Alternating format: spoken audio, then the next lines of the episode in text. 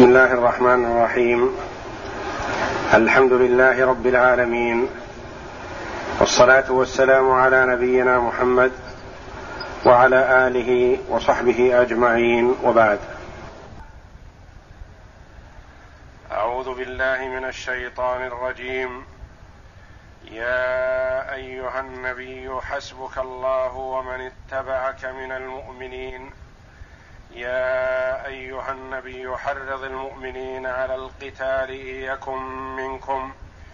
ان يكن منكم عشرون صابرون يغلبوا مئتين وان يكن منكم مئه يغلبوا الفا من الذين كفروا بانهم قوم لا يفقهون الان خفف الله عنكم وعلم ان فيكم ضعفا فإن يكن منكم مئة صابرة يغلبوا مئتين وإن يكن منكم ألف يغلبوا ألفين بإذن الله والله مع الصابرين يقول الله جل وعلا يا أيها النبي حسبك الله ومن اتبعك من المؤمنين يا أيها النبي حسبك الله ومن اتبعك من المؤمنين حسبك بمعنى مثل ما تقدم بمعنى كافيك وهل في هذا تكرار أم لا وإن يريدوا أن يخدعوك فإن حسبك الله وهنا قال يا أيها النبي حسبك الله ومن اتبعك من المؤمنين الأولى خاصة في ماذا في ارادتهم اراده الاعداء الخيانه وان يريدوا ان يخدعوك فان حسبك الله اتكل على الله وهو كافيك وهذه عامه يا ايها النبي حسبك الله ومن اتبعك من المؤمنين الله جل وعلا كافي عبده ورسوله محمدا صلى الله عليه وسلم حسبك الله يعني كافيك الله شر اعدائك والاسم الكريم هنا محله من الاعراب فاعل حسبك الله لا قد يكون مبتدا وخبره حسبك اي الله جل وعلا حسبك الله حسبك حسبك الله ومن اتبعك من المؤمنين الواو هذه ما هي حسبك الله ومن اتبعك من المؤمنين نريد ان نعرف الواو ونعرف محل من من الإعراب ومن اتبعك من المؤمنين للعلماء فيها أقوال رحمهم الله منهم من قال حسبك الله يعني كافيك الله ومن اتبعك من المؤمنين حسبهم الله وهذا هو الظاهر المتبادر وهو الذي رجحه كثير من العلماء ان من هنا ومن اتبعك من المؤمنين حسبهم الله او الله حسبهم وعلى هذا يكون عطف جمله على جمله يا ايها النبي حسبك الله ومن اتبعك من المؤمنين حسبهم الله يكون محذوف الخبر لدلاله ما تقدم عليه القول الاخر ان من معطوفه على الضمير المتصل ولم يجزه هذا كثير من النحاة وأجازه بعضهم وهم الكوفيون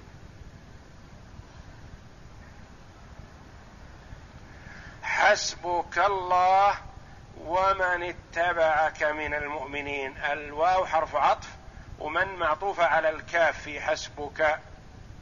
حسبك الله ومن اتبعك من المؤمنين القول الاخر حسبك الله ومن اتبعك من المؤمنين الواو هنا حرف عطف ومن اتبعك معطوف على لفظ الجلاله كافيك الله واتباعك من المؤمنين وهذا قول مرجوح لكن قال به بعض النحويين والمفسرين حسبك الله ومن اتبعك من المؤمنين يعني حسبك الله وحسبك اتباعك من المؤمنين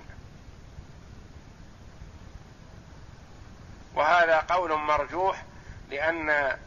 كل ما ورد في القرآن أو أكثر ما ورد في القرآن من كلمة حسبك هذه لله وحده هو ال... هو الكافي وحده قول آخر الواو هنا بمعنى مع واو المعية حسبك الله ومن اتبعك من المؤمنين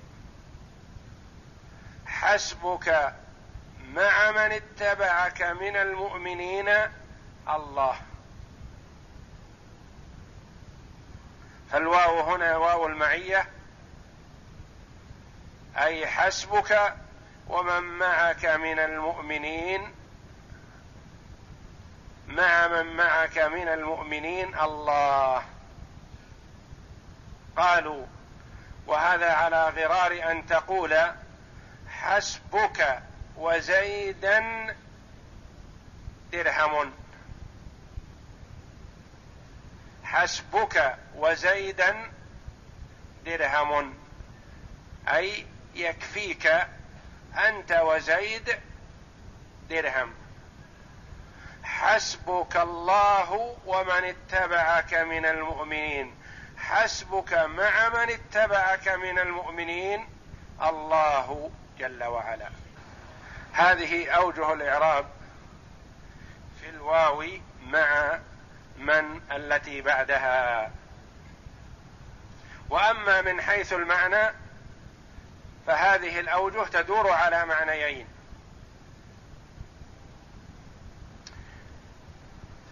المعنى الاول حسبك الله وحسب من اتبعك من المؤمنين يعني الله كافيك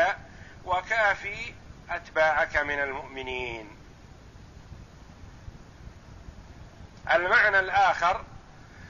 حسبك الله والمؤمنون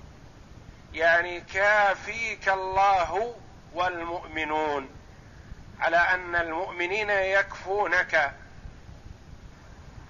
وقيل هذه نزلت حينما اسلم عمر بن الخطاب رضي الله عنه وقد اسلم قبله ثلاثه وثلاثون رجلا وست نسوه فاسلم عمر رضي الله عنه فكمل باسلامه اربعون رجلا اربعون من المسلمين من الرجال والنساء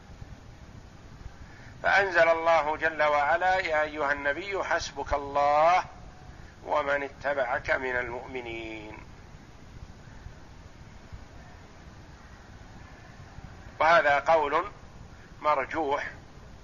لأن هذه السورة كلها مدنية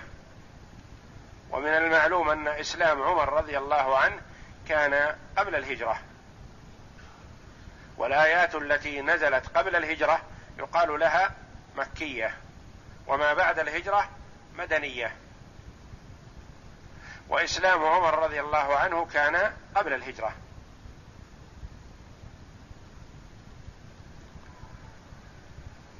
واجيب عن هذا بانه ممكن ان تكون هذه الايه مكيه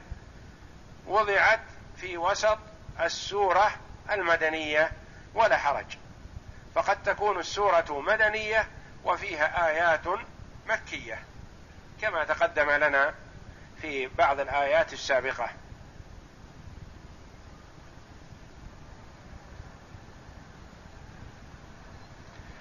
يا أيها النبي حسبك الله ومن اتبعك من المؤمنين يا أيها النبي وتكرار النداء لاظهار شانه عليه الصلاه والسلام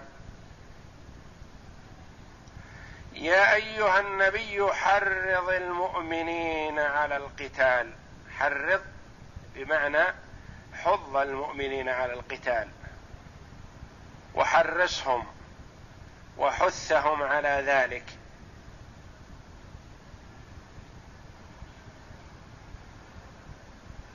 قد يقول قائل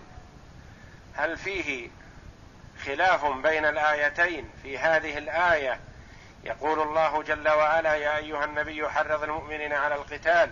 وفي الايه السابقه, السابقة يقول وان جنحوا للسلم فاجنح لها الايه السابقه تقدم لنا انها دلاله على رغبه الاسلام في السلم وانه لا يريد الحرب الا عند الحاجه اليه وهذه الايه كان فيها تحريض على القتال هل بينهما منافاه لا ابدا ولا يكون بين ايات القران وانما الايات السابقه اذا لم يقف الكفار في وجه الدعوه الى الله وانما اصروا على كفرهم بانفسهم ولم يقفوا في وجه الدعوه ودفعوا الجزيه ورغبوا في السلم فنحن نرغب في ذلك ونعاهدهم على ألا حرب بيننا وبينهم ما داموا لم ينقضوا العهد ولم يقفوا في وجه الدعوة إلى الله وأما إذا وقفوا في وجه الدعوة إلى الله وعاندوا وآذوا المؤمنين فالله جل وعلا امر محمدا صلى الله عليه وسلم بأن يحرض المؤمنين على قتال هؤلاء وقد كان عليه الصلاة والسلام يحرض على القتال وخاصة إذا تقابل الجيشان جيش الإسلام وجيش الكفر وكما تقدم لنا قوله صلى الله عليه وسلم لا تتمنوا لقاء العدو واسألوا الله العافية فإذا لقيتموهم فاصبروا واعلموا أن الجنة تحت ظلال السيوف وحينما تقابل الجيش الإسلامي في موقعة بدر وجيش الكفر والضلال قال عليه الصلاة والسلام للمسلمين قوموا الى جنه عرضها السماوات والارض فقال عمير بن الحمام رضي الله عنه جنه عرضها السماوات والارض قال النبي صلى الله عليه وسلم نعم قال عمير بخ بخ فقال النبي صلى الله عليه وسلم ما حملك على ان تقول بخ بخ قال رجاء ان اكون من اهلها فقال عليه الصلاه والسلام انت من اهلها فعند ذلك كسر جفن سيفه رضي الله عنه والقى تمرات كن بيده ياكل منهن وقال انها لحياه طويله ان انا بقيت حتى اكملها ثم القاها وتقدم رضي الله عنه وقاتل حتى قتل في سبيل الله رضي الله عنه وارضاه فمن تحريضه صلى الله عليه وسلم للمؤمنين قال لهم قوموا الى جنه عرضها السماوات والارض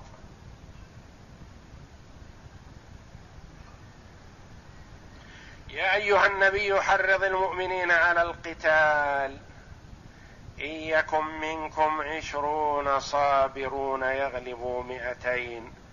وان يكن منكم مئه يغلبوا الفا من الذين كفروا بانهم قوم لا يفقهون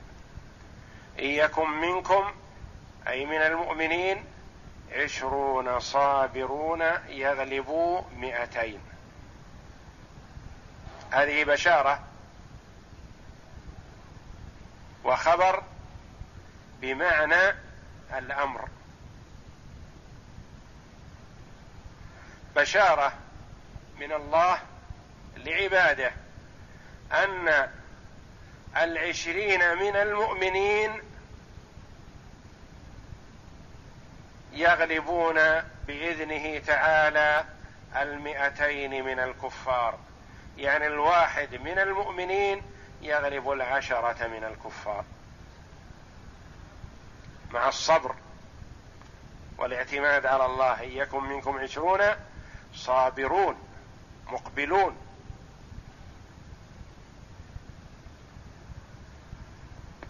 وقلنا هذه بشارة وخبر وهذا الخبر متضمن معنى الأمر لما قلنا متضمن معنى الامر يعني لا يفر العشره من الواحد لا يفر الواحد من العشره ولا يفر العشرون من المئتين اذا كان عدد المؤمنين عشرين وعدد الكفار مئتين فلا يفر المسلمون منهم لأنهم موعودون بالنصر والغلبة أولا هو بشارة وخبر وهذا الخبر متضمن الأمر للمؤمنين بأن يصمد العشرون أمام المئتين وهذه الآية في صدر الإسلام وحينما كان المسلمون قلة والأعداء كثير فالله جل وعلا ألقى في قلوب المؤمنين القوة والثبات والاستبسال في سبيل الله فالعشرون من المؤمنين يغلبون بإذنه تعالى المئتين من الكفار ثم لما كثر المسلمون نسخ الله هذه الايه بما بعدها هي هذه الايه منسوخه على قول الجمهور بما بعدها ولذا قلنا انها خبر بمعنى الامر لما قلنا بمعنى الامر لان الاخبار لا تنسخ الأخبار لا يدخلها النسخ وإنما التي تنسخ هي الأوامر والنواهي هي التي يدخلها النسخ فلا يصح أن نقول إنها خبر ثم نقول إنها منسوخة وإنما هذا خبر بمعنى الأمر أي لا يفر عشرون من مئتين من الكفار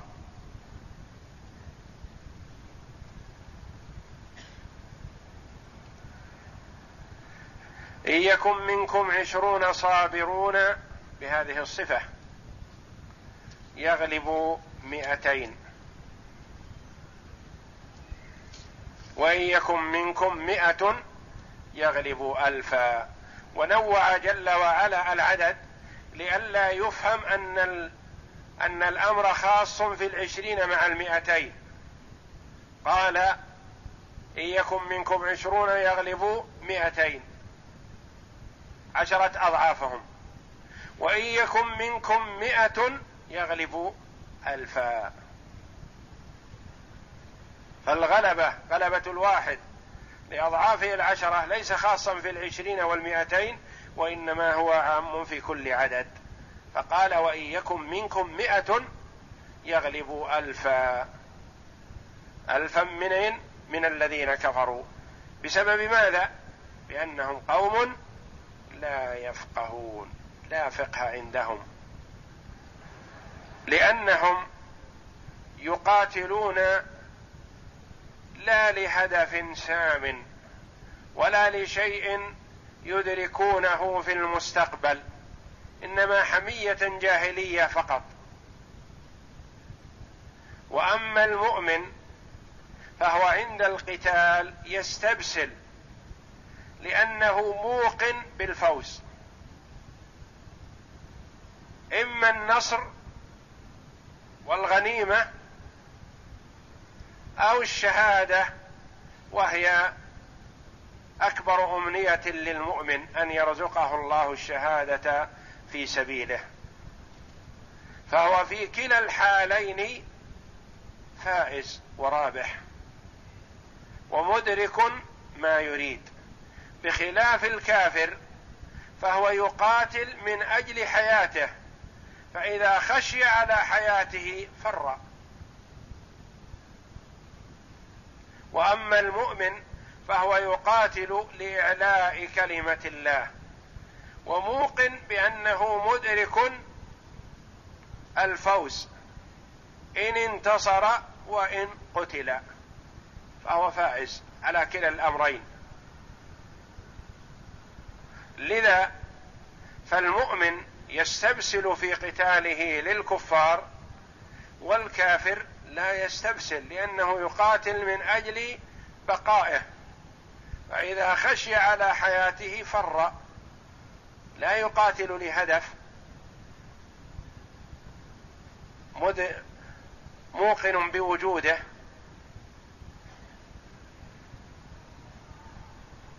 بانهم قوم لا يفقهون ثم انزل الله جل وعلا بعد هذه الايه الان خفف الله عنكم لانه في اول الامر شق على المسلمين في أن يقابل الرجل العشرة وأن يقابل المئة الألف من الكفار وأن يقابل الألف من المؤمنين عشرة الآلاف من الكفار فهم مأمورون بأن يقاتلوا الكفار وإن كانوا عشرة أضعافهم ولا يحق لهم ان يفروا منهم فان زادوا عن عشره الاضعاف فلا حرج عليهم ان لا يتقدموا للقتال وهذا كما قال بعض المفسرين اذا لم يحضروا المعركه اما اذا صارت المعركه بين المؤمنين والكفار فلا يحق للمؤمن ان ينهزم على اي حال من الاحوال بل عليه ان يقاتل ولو تضاعف العدد عدد الكفار الان خفف الله عنكم فلما شق عليهم هذا الامر خفف الله جل وعلا عنهم وانزل الان خفف الله عنكم وعلم ان فيكم ضعفا يعني عدم استطاعه لقتال الواحد للعشره فالمسلمون مامورون بان لا يفروا من مثليهم واما اذا زادوا عن مثليهم فلا حرج عليهم في ان لا يقابلوهم ولا يخرجوا لقتالهم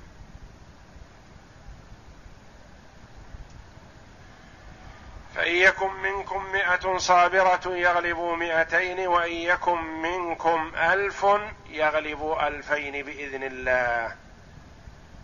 لا بقوتكم ولكن بإذنه تعالى ونصره وتأييده فالمؤمنون يغلبون بإذن الله مثليهم والله مع الصابرين كلما تمكن المؤمنون من صفه الصبر والاقدام على قتال الاعداء فالله جل وعلا معهم وهذه المعيه كما هو معروف في ايات كثيره من القران معيه التاييد والنصر والمعيه كما تقدم لنا غير مره معيتان معيه اطلاع واحاطه ومعيه تاييد ونصر فالله مع المؤمنين بتاييده ونصره ومع الصابرين والله مع جميع خلقه باطلاعه وحفظه ما يكون من نجوى ثلاثه الا هو رابعهم ولا خمسة إلا هو سادسهم ولا أدنى من ذلك ولا أكثر إلا هو معهم أينما كانوا فهذه المعية في قوله تعالى ما يكون من نجوى معية علم واطلاع والمعية الخاصة معيته للمؤمنين بالنصر والتأييد والحفظ والله مع الصابرين وكلما تمكن المؤمن من صفه الصبر فالله جل وعلا معه اكثر بحفظه وتاييده ونصره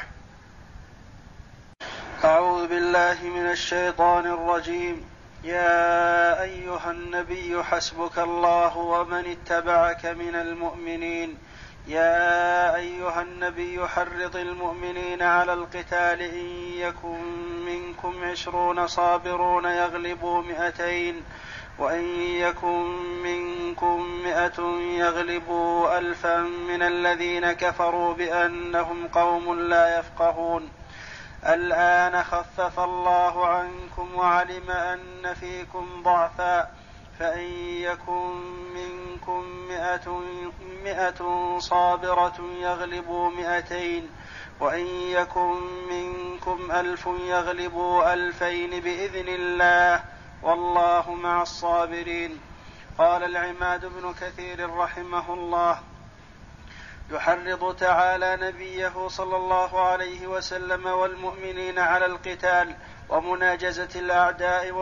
ومبارزة الأقران ويخبرهم, ويخبرهم أنه حسبهم أي كافيهم وناصرهم ومؤيدهم على عدوهم وإن كثرت أعدادهم أي كافيهم وناصرهم ومؤيدهم على عدوهم وإن كثرت أعدادهم وترادفت أمدادهم ولو قل عدد المؤمنين قال ابن ابي حاتم حدثنا احمد بن عثمان ابن حكيم حدثنا عبيد الله بن موسى انبانا سفيان عن ابن شوذب عن الشعبي في قوله يا ايها النبي حسبك الله ومن اتبعك من المؤمنين قال حسبك الله وحسب من شهد معك قال وروي عن عطاء الخراساني وعبد الرحمن بن زيد مثله ولهذا قال يا ايها النبي حرض المؤمنين على القتال اي حثهم وذمرهم عليك ولهذا كان رسول الله صلى الله عليه وسلم يحرض على القتال عند صفهم ومواجهه العدو كما قال لاصحابه يوم بدر حين اقبل المشركون في عددهم و في عددهم وعد, وعد وعددهم قوموا الى جنه عرضها السماوات والارض فقال عمير بن الحمام عرضها السماوات والارض فقال رسول الله صلى الله عليه وسلم نعم فقال بخ بخ فقال ما يحملك على قولك بخ بخ قال رجاء ان اكون من اهلها قال فانك من اهلها فتقدم الرجل فكسر جفن سيفه جفن سيفه, سيفه يعني غلاف السيف غمد السيف كسره كناية على أنه لن يعيده إليه مرة أخرى سيقاتل فيه حتى يقتل أو ينكسر السيف وأخرج تمرات فجعل يأكل منهن ثم ألقى بقيتهن من من يده وقال لئن أنا حييت حتى آكلهن إنها لحياة طويلة ثم تقدم فقاتل حتى قتل رضي الله عنه وقد روي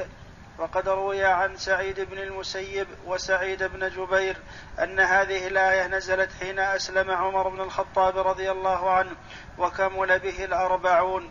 وفي هذا نظر لأن هذه الآية مدنية وإسلام عمر كان بمكة بعد الهجرة إلى أرض الحبشة وقبل الهجرة إلى المدينة والله أعلم ثم قال تعالى مبشرا للمؤمنين وآمرا وإن يكن منكم عشر إن يكن منكم عشرون صابرون يغلبوا مئتين وإن يكن منكم مئة يغلبوا ألفا من الذين كفروا كل واحد بعشرة ثم نسخ هذا الأمر وبقيت البشارة قال عبد هنا قول الإمام ابن كثير رحمه الله يقول مبشرا للمؤمنين وآمرا قلنا خبر بمعنى الأمر مبشرا لهم بأن العشر بأن العشرة يغلبون المئة والمئة يغلبون الألف وآمرا بأن لا يفر العشرة من المئة ولا تفر المئة من الألف وبقيت البشارة قال عبد الله بن المبارك حدثنا جرير بن حزام بن حازم حدثني الزبير بن, الخري بن الخريت عن عكرمة عن ابن عباس قال لما نزلت إن يكن منكم عشرون صابرون يغلبوا مئتين شق ذلك شق ذلك على المسلمين حين فرض الله عليهم ألا يفر واحد من عشرة ثم جاء التخفيف فقال الآن خفف الله عنكم إلى قوله يغلبوا مئتين قال خفف الله عنهم من العدة ونقص من الصبر بقدر ما خفف عنهم وروى البخاري من حديث ابن المبارك نحوه وقال لسعيد بن منصور حدثنا سفيان عن عمرو بن دينار عن ابن عباس في هذه الآية قال كتب عليهم ألا يفر عشرون من مئتين ثم خفف الله عنه فقال الآن خفف الله عنكم وعلم أن فيكم ضعفا فلا ينبغي لمائة أن يفروا من مائتين وروى البخاري عن علي بن عبد الله عن, عن سفيان عن سفيان به نحوه وقال محمد بن اسحاق حدثني ابن ابي نجيح عن عطاء عن ابن عباس قال لما نزلت هذه الايه ثقل على المسلمين واعظموا ان يقاتل عشرون مائتين ومائه الفا فخفف الله عنهم فنسخها بالايه الاخرى فقال الان خفف الله عنكم وعلم ان فيكم ضعفا الايه فكانوا إذا كانوا على الشطر من عدو الشطر على الشطر على الشطر من عدوهم لم يسغ لهم أن يفروا من عدوهم وإذا كانوا دون ذلك لم يجب عليهم قتالهم وجاز لهم أن يت... يتحوزوا أن... عنهم أن يتحوزوا عنهم وروى علي بن أبي طلحة والعوفي عن ابن عباس نحو ذلك قال ابن أبي حاتم وروي عن عطاء عن مجاهد وعطاء وعكرمه والحسن وزيد بن اسلم وعطاء الخرساني والضحاك وغيرهم نحو ذلك وروى الحافظ ابو بكر بن مردويه من حديث المسيب ابن شريك عن ابن عن ابن عون عن نافع عن ابن عمر رضي الله عنهما في قوله إن يكن منكم عشرون صابرون يغلبوا مئتين قال نزلت فينا اصحاب محمد صلى الله عليه وسلم وروى الحاكم في مستدركه من حديث ابي عمرو بن العلاء عن نافع عن ابن عمر ان رسول الله صلى الله عليه وسلم قرأ الآن خفف الله عنكم وعلم أن فيكم ضعفا رفع ثم قال صحيح الإسناد ولم يخرجاه